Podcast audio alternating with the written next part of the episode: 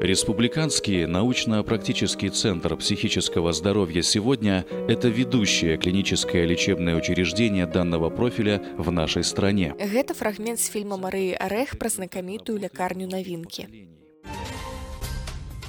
Вітаем вас сябры. Мы распавядаем пра навіны, месца якім толькі ў навінках. Менавіта ў навінках знаходзіцца галоўная беларуская псіхлякарня. А так пачынаецца шоу навінкі на знакамітым youtube канале нехта. Як часта вы чулі саркастычную фразу аб тым, што камусьці ці чамусьці месца ў псіхіятрычным шпіталі. А як часта вы чуеце раз'юшаны ну дурдом нейкі, Па нейкай дзіўнай прычыне лякарні іншага накірунку, напрыклад, скурна-венералагічныя ці лекарні, якія спецыялізуюцца на захворваннях лёгкіх, не становяцца імёнамі намінальнымі.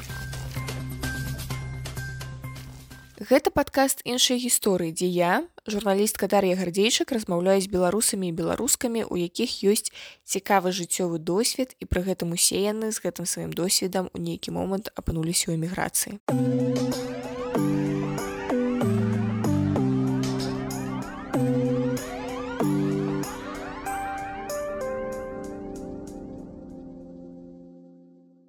Перш чым прадставіць сённяшнюю госцю я хочу падзяліцца гісторыю з уласнага жыцця па дзіўным супадзенні калі мне было 14 участковая педыятрка адмовілася накіроўваць мяне да псіхіятра хаця ў мяне былі абсалютна відавочныя прыкметы трывожнага расстройства. Матывавала так. Вось адпраўлю цябе да псіхіятра паставіць на ўлік і ва універсітэт жа не паступіш пра шмат год пасля таго здарэння я зразумела што такое грэблівае стаўленне да псіхічных хваробаў як з боку абывальнікаў і абывальні спецыяльніц так і з боку лекараў і лекарак невыпадковае супадзенне. Гэта стыгма якая ляжыць на тых хто пакутуе на пэўныя ментальныя разлады. Але ёсць такія асобы псіхаактывісты псіхаактывісткі якія займаюцца акурат барацьбой з гэтай стыгмай. Дык вось сённяшняя моя госця акурат псіхаактывістка. І ў яе таксама ёсць ментальнае захворванне. І яшчэ яна жыве ў эміграцыі госцю маю завуць пані мыш менавіта так яна вядома ў інтэрнэце і менавіта так просіць да яе звяртацца. І яшчэ мушу папярэдзіць што гэта выпуск пра псіхічныя разлады. Тут узгадваюцца усякія цяжкія станы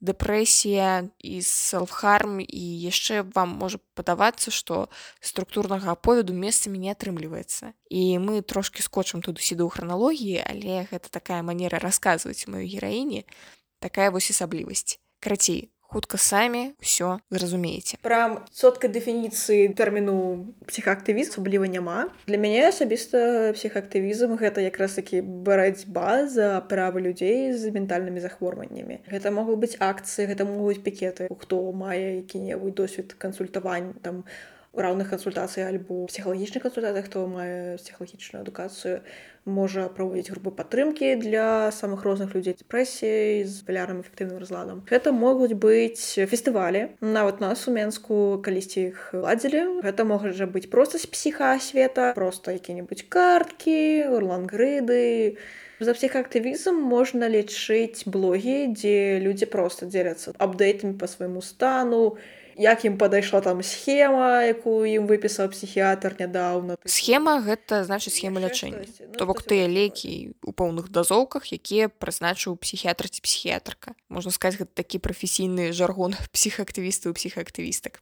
Дарэчы, як вы разумееце, без псіхічных расстройстваў у намназе ў псіхаактывізм звычайна не трапляюць. І гісторыя пані мышы унікальная тым, што яна стала займацца псіхаактывізмам яшчэ да паўналецця. Праўда, і сімптомы псіхічнага захворванню яе праявіліся даволі рана. Я была даволі дзіўным дзіцёнкам. Помню нейкі такі забаўны момант у дзяцінстве я думала, што я сабакай.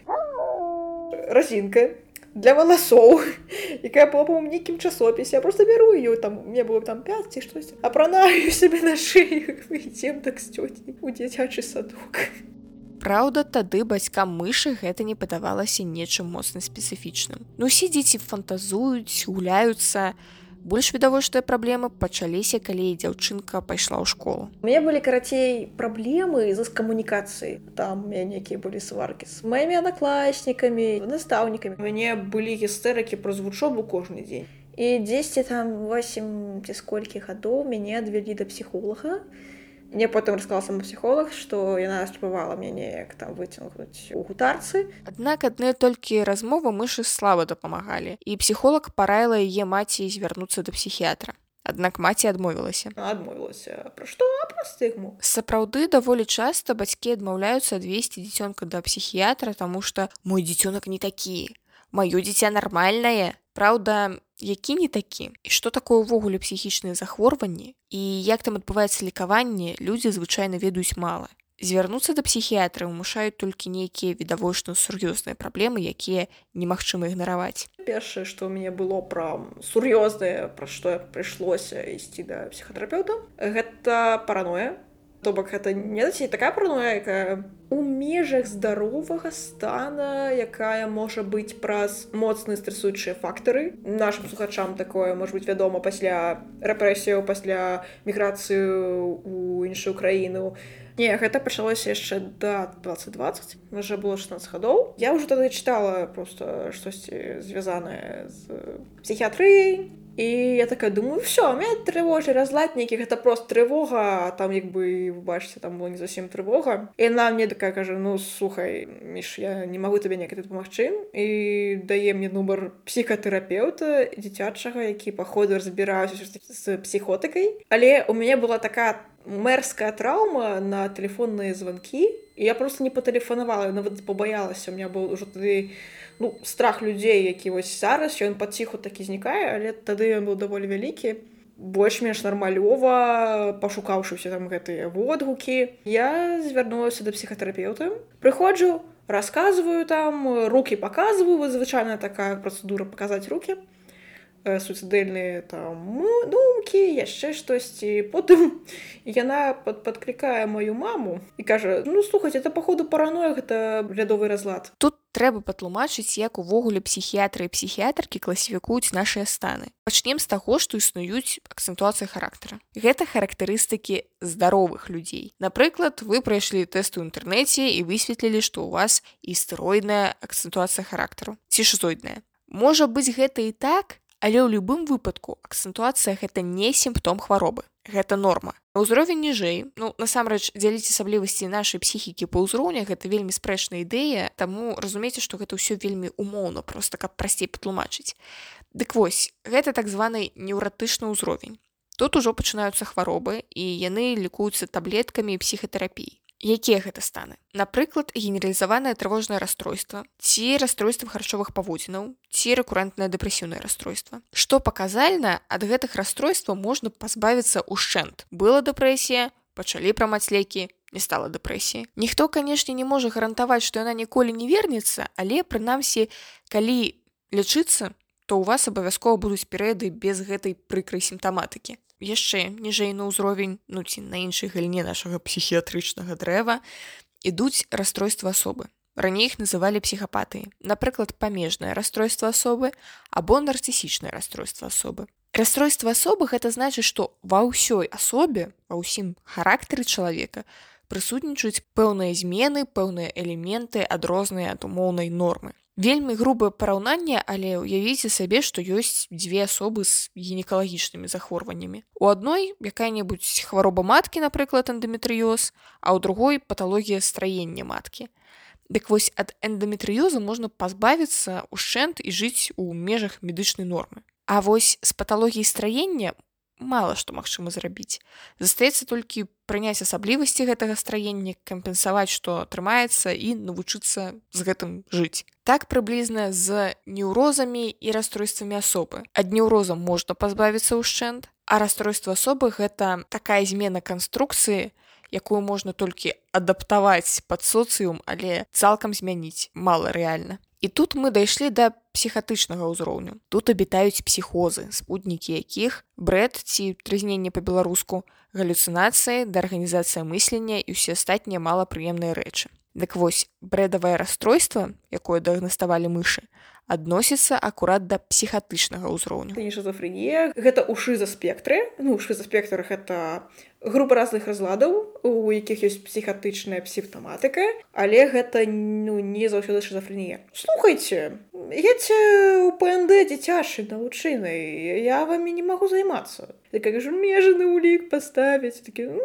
вот, ну вот так вот прыватных дзіцячых псіхіятраў у беларусі ну няма увогуле по законе і неяк я забіла маці забіла хаця она все пачула Што ж такога пачула псіхатэрапеўтка, што паставіла мышы менавіта гэты дыягназ. Першае, што я сказала псіхіатрабе то што мне трывога, моцны страх, істотны такі звярыны ці што. Прычым ну там асаблівых падстаў для гэтага страху няма ты можаш просто там стаять на прыпынку ці на станцыі метро і просто так вот адчуваць сябе фізічна нават боль дзесьці такая фізічная ёсць. яшчэ агрэсія не адкрыта там не арала не кусала нікаго не просто пашыплівала злосна глядзела на абсалютна рандомных людзей якія просто на мяне маглі паглядзець А я разумею што не глядь на мяне А гэта значыць што яны мяне ненавідзяць і ўвогуле не все гаўнікі. Я думала что за мной сочыць наверное самое класічнае что ёсць параноя тыпу за тобой сочыць бред пераследу. Я такая думаю что за мной сядзець прямо вось вот телефон вось камера раз вось камера 2 вось экран. А экран праглядваюць. І праглядваюць пераважа два сайты.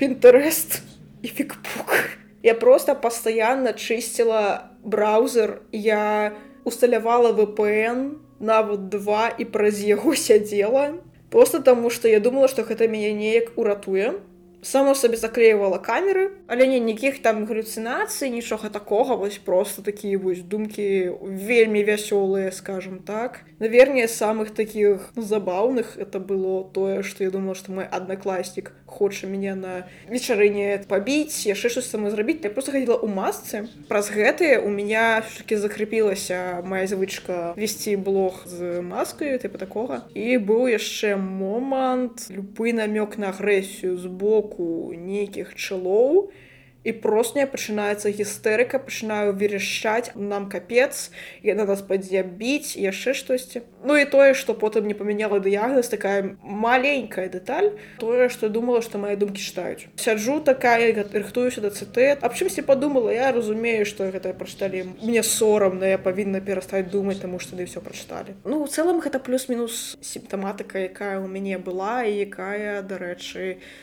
апошні раз з'яўлялася ну тыдзень таму але яна была вельмі лёгкая і шчыра. Часам мне складана адрозніць параною нармальную ну ад хваробнай. Я даволі трывожа чалавек у мяне есть магічнае мысленне. Магічнае мысленне гэта перакананасць што на рэчаіснасць можна ўплываць з дапамогай сімвалічных псіхічных або фізічных дзеянняў і думак ну напрыклад фрейд лічыў што магічнае мысленне ляжыць у падмурку ўсіх рэлігій суеверы магічных практык. То бок вы правялі рытуал по выкліку дажджу і пайшоў дождж. Магічнае мысленне у той ці іншай ступені ёсць у нас ва ўсіх бо наш мозг накіраваны на тое каб шукаць узаемасувязі І, напрыклад, калі мы апранулі пэўны талісман на экзамен, а потым здалі той экзамен на выдатна, то нам можа пачаць падавацца, што справа выключна ў талісмане. Гэта ёсць магічнае мысленне. Але ёсць розніца, ці проста апранаць пэўны талісман перад экзаменам, ці, напрыклад, праводзіць складаныя рытуалы, ісці на экзамен нейкім пэўным шляхамі, пазбягаць пры гэтым пэўных аб'ектаў. І калі не атрымліваецца пазбягаць, то нават не ісці ў аўдорыю, бо ўсё адно экзамен завалім. Ну і канешне ёсць розніца ці рахтуецеся вы да экзамену ці проста спадзеецеся на талісман. Пры ўсім пры гэтым у тых брэдавых ідэях мышы пра тое, што за ёй быццам бы сочаць, быў поўны рэальны складнік. Ёй не падавалася, што за ёй сочаць нейкія магічныя істоты з паралельнай галактыкі ці хтосьці яна была упэўнена што гэта беларускае кДб. Менавіта беларуска кДб ніякое іншае меня просто была сітуацыя пасля якой пачала заганяцца што за мной будзе следзіць кДб. Наколькі я помню некаторыя сябровак просто не разумелі што за параноя увогуле яны просто не разумелі што адбываецца дарэчы сяброўкі ў мышы заўсёды былі нягледзячы на яе праблемы з камунікацыю дзяцінстве і нягледзячы нават на яе месцамі складаныя псіхічныя станы. У цэлым яны былі. І калі мне пачалася дэпрэсія таксама быў чэл. Мы увогуле пачалі сяброўца з таго што мы сказалі адзін на мой які у нас дыягназ. У мяне гэта было ўжо 11 класе і по-мойму у мяне прям апошні крок каб яшчэ больш пагоршыць мой стан гэта быў якраз такі ну прэзідэнцкая кампанія так мы ж выпускалася са школы ў 2020 годзе вот последний звонок прозвенел. Так ёй не пашчасціла а ў верасні два яна мусіла ісці ва універсітэт горш стала станавіцца калі я уже пайшла вучыцца ва універсітэт мяне прынялі на бюджэт я тады не парадавалася мне было все роўна тыпу я такая ну і што я поступила на факультэт на які марыла поступіць ну і што гэта дарэчы прыкмета дэпрэсіі калі нейкія падзеі якія ну аб'ектыўна мусіць выклікаць у нас радасць нас не радуюць. Ужо такія вось думкі тыпу а навошта мне кудысьці ісці? Ну тупа іду вось пасля параў па лесвіцы ўніз каб выйсці на вуліцу каб паехаць домой просто думкі а навошта? Я ведала што такое дэпрэсія але чамусь у меня просто у галаву не прыходзіла што мне што там тыпу такое Потому что это просто ад дурасці. Тыповыя дэпрэсіўныя думкі пра адсутнасць сэнсу, а навошта жыць, А які сэнс уставаць раніцай, для чаго ўвогуле працягваю нейкую руціну, калі радасці няма. Не прымусілі мы ж звярнуцца да лекара. Але адной з раніцы яна прачнулася з рашучасцю сябе пашкодзіць. Гэта была такая моцная навязлівая думка, што мы ж спужалася, перасіліла сябе і звярнулася да псіхатэрапеўткі і караціна кажа ну цябе там псіхатычная дэпрэсія пей флёнксол праз два тыдні быў уже абсалютна іншы чалавек то бок у я пачала маляваць пачала чыце займацца канешне мне было вельмі складана вучыцца я думаю нават старому чалавеку складана калі шчыра але пасля таго як дэпрэсіўны эпізод скончыўся у мышы пачалася манія То бок такі стан, калі ў чалавека вельмі высокі настрой увесь час, пачуццё радасці і шчасця, яно завышаная самаацэнка, маўляў, я ўсё магу ў гэтым свеце і падвышаная прадуктыўнасць. Такое ведаеш адчуванне эйфарычна я ні з чым не зблытаю, абсалютна ні з чым. Я здавала экзамен, я напісала за 15-10 хвілін 10 30-40 пытанняў. Я такая пачакала, пакуль у мяне не пачнуць сыходзіць аднакрупнікі, каб не падумалі, што я спісала. Сыходжу, еду у маршрутцы кудысьці за горад, пішу там камусьці, што ўсё просто мае жыццё найлепшае, просто офігець, і просто я выходжу, хаджу па лесе, потым на мяне папалі клішчытка. трэба раптоўна ехаць да хлопца, каб мне ён паглядзеў маё цела.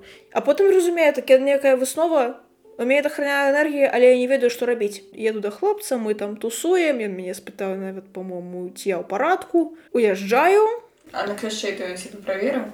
Не я прыязджаю тыпу каб зрабіць перасадку каб даехаць да інтэрнату я разумею що за мной що сочаць доброе утро. Адчуванне нібы да цябе глядзяць вот. і собственно такая просто уже пачынаю злавацца я даязджаю выпіваю нейралептык по нават больш чым трэба і просто засынаю тому что я разумею что калі я не засну можа пайсці далей мне некая крытыка была что будзе калі я даведу гэта далей бо ну можна да псіхоз так дайсці. А наступны дзень я просто манія скончылася так сказать. Всем дзякую за увагу. Заўважце што калі не ведаць усё тое што адбывалася ў мышу ў галаве то можна падумаць што гэта звычайны дзень студэнткі якая здала экзамен і радуецца. Ну захацелася пасля экзамену паехаць у лес.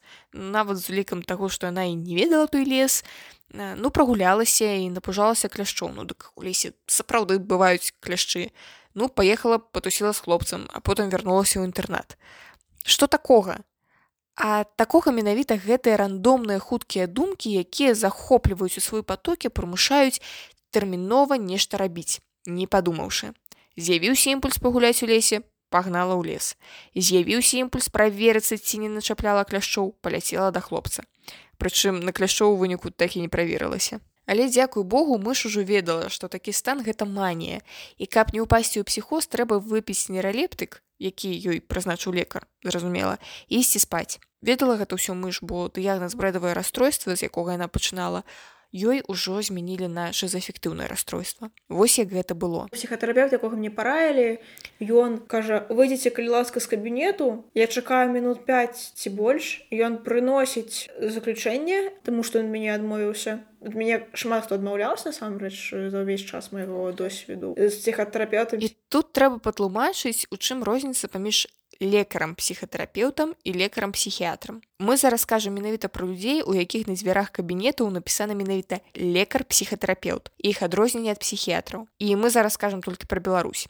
Дык вось лекары псіхатэрапеўты могуць займацца і лічыць медыкаментамі толькі людзей якія маюць расстройствы з нашага неўратычнага ўзроўню. Памятаеце дэпрэсіўнае расстройства рхп генералізаванае трывожнае расстройства і яшчэ яны могуць прызначаць лекі людзям з расстройствамі асобы. А прызначаць медыкаменты людзям з псіхічнымі хваробамі, памятаеце, дзе ёсць брэд, галюцынацыі, прошанне мыслення, вось гэта ўсё яны не могуць. Як, напрыклад, не можа тэрапеўт прызначыць супрацьзачаткавыя. Не яго сфера кампетэнцыі. Потым мне паралі псіхіатра там ён скажа ну у мяне под пытаннем для вас разлад шизаэфектыўнага спектра то бок там шизаэфектыўная гэта тры варыянты. Дэпрэсіўны маніякальны змяшаны Нягледзячы на тое, што псіхіятр не даў рады вызначыць, які менавіта гэта тып, было зразумела, што мышы варта акрамя фармакатэрапіі, то бок прыёма лекаў падлучыць яшчэ і псіхатэрапію.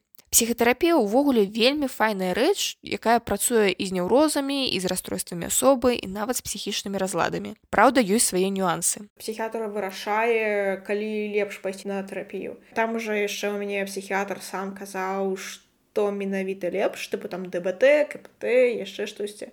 ДБТ і КПТ гэта розныя формы псіхатэрапіі. ДБТ гэта дыэлектыўна-біхевіаральная тэрапія, а КПТ кагнітыўна-паводзінавая тэрапія. І не мае асаблівага сэнсу зараз тлумачыць, чым менавіта адрозніваюцца гэтыя два падыходы, гэта такія вузкая прафесійныя аспекты. Але ж для людзей з рознымі дыягназамі лепей пасуюць розныя віды тэрапіі. Калі ёсць яшчэ ведаеш такія рэчы, абмежаванні по тэрапіі то бок не ўсе тэрапіі паказаны тым жа псіхотыкам як я напрыклад.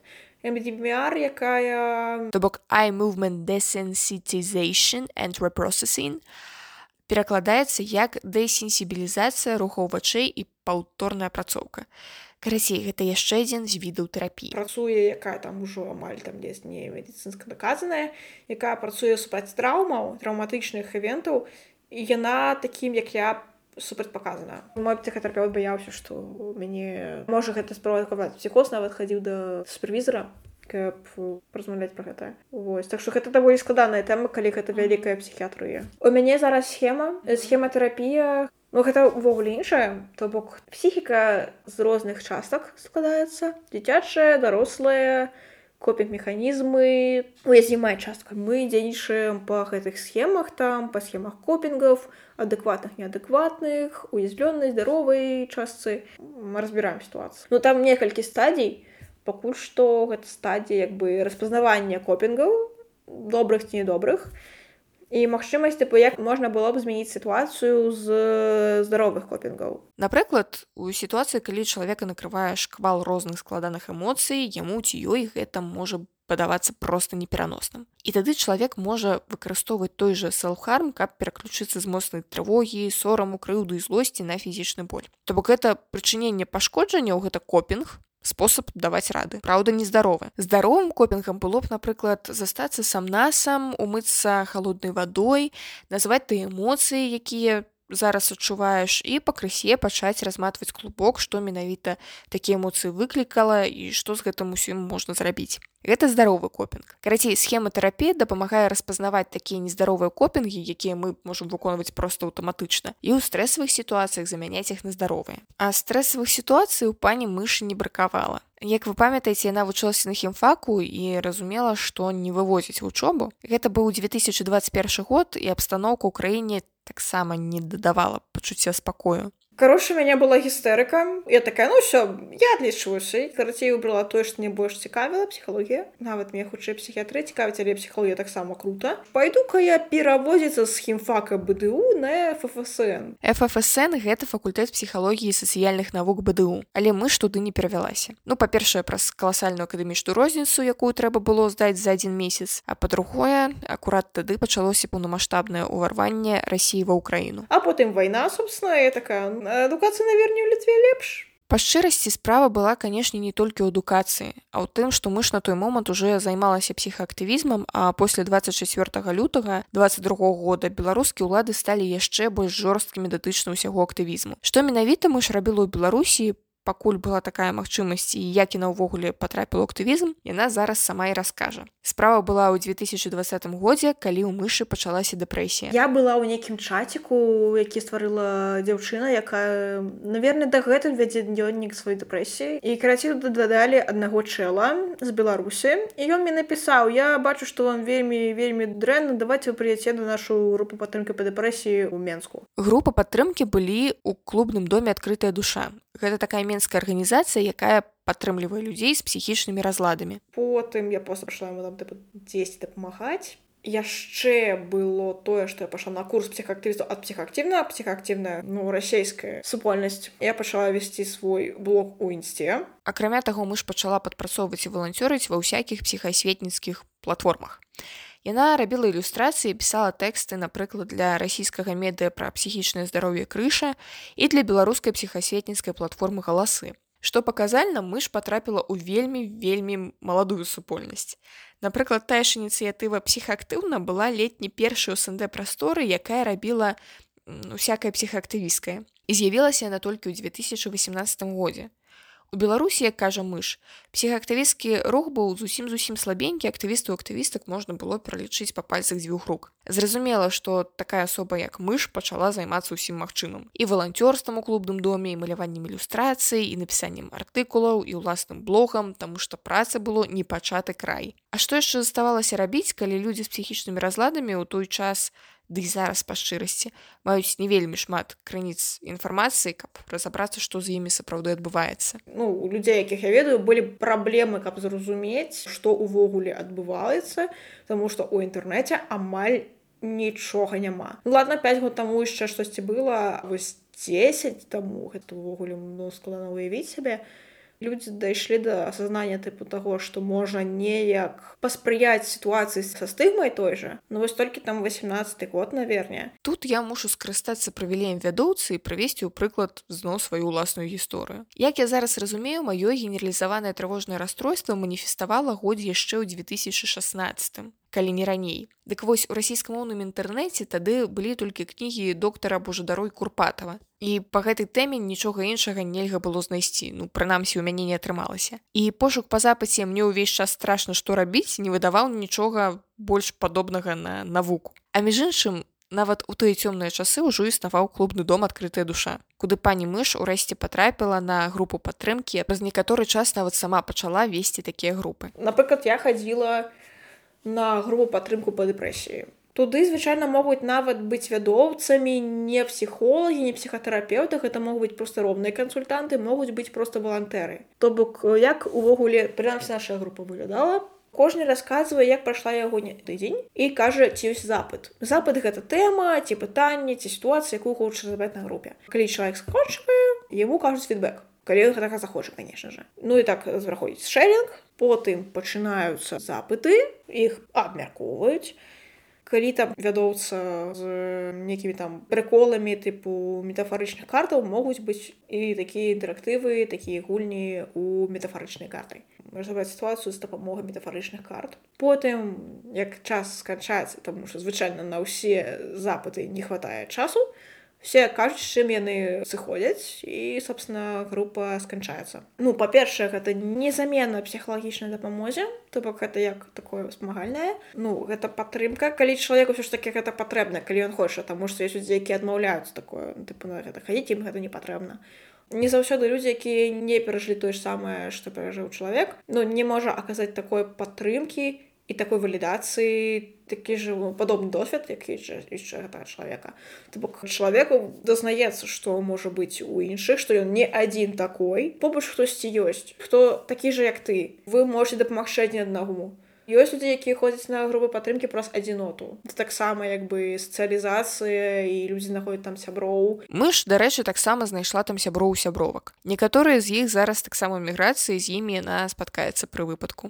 Дарэчы, а як увогуле паўплывала эміграцыя на стан мышы? І як яна сябе зараз адчувае ў параўнанні з тым, што было да прыёму лекаў псіхатэрапеўктавіскай дзейнасці. Некаторыя рэчы яе моцна здзіўляюць у самой сабе. Я ўвогуле гляджу тыпу як я паспела так шмат пазнаёмцца з такой колькасцю людзей я раней не магла людзям напісаць у ВК у параўнанні там з 2020 годам просто так гэта неба і земля просто. Псіхатэрапія у маім выпадку думаю важна як мінімум праз тое што камунікацыі трэба было налажваць і я налажваю іх і я вельмі гэтаму рада. і У мяне нават зараз все менш менш дэперсаналізацыі я нават не помню калі апошні раз я я адчувала дэперсаналізацыя гэта такі псіхапаталагічны сімптом калі папросту чалавеку пачынае казацца што ён гэта не ён ці яна гэта не яна ты як быццам глядзіш на сябе звонку і яшчэ можа быць адчуванне што дзеянні якія ты робіш абіраеш рабіць не ты ты сабой увогуле не кіруеш цікавы канешне сімптом але прыемнага мала трывога дарэчы таксама менш то бок у мяне гэтай вось прышпіл з ну ладно нячотнай лічбы як шчаслівых это ладно гэта яшчэ оставим. А так просто трывогі меней ўсё цэлым плюс-мінус ок. Хаця у мяне бываюць такія моманты але я бачу што все-таки тэрапія і псіха і медыкаментозныя яны даюць мне плады і ў цэлым то што я штосьці раблю гэта вельмі добра Дарэчы, пра сотныя і няцотныя лічбы вось тут акурат прышпіл з магічным мысленнем. На якія фактары вы зважаеце, калі абіраеце, ну, напрыклад, месца ў вагоне цягніка. Напэўна, аддаленасць ад выхадаў, ад прыбіральні, ад вакна.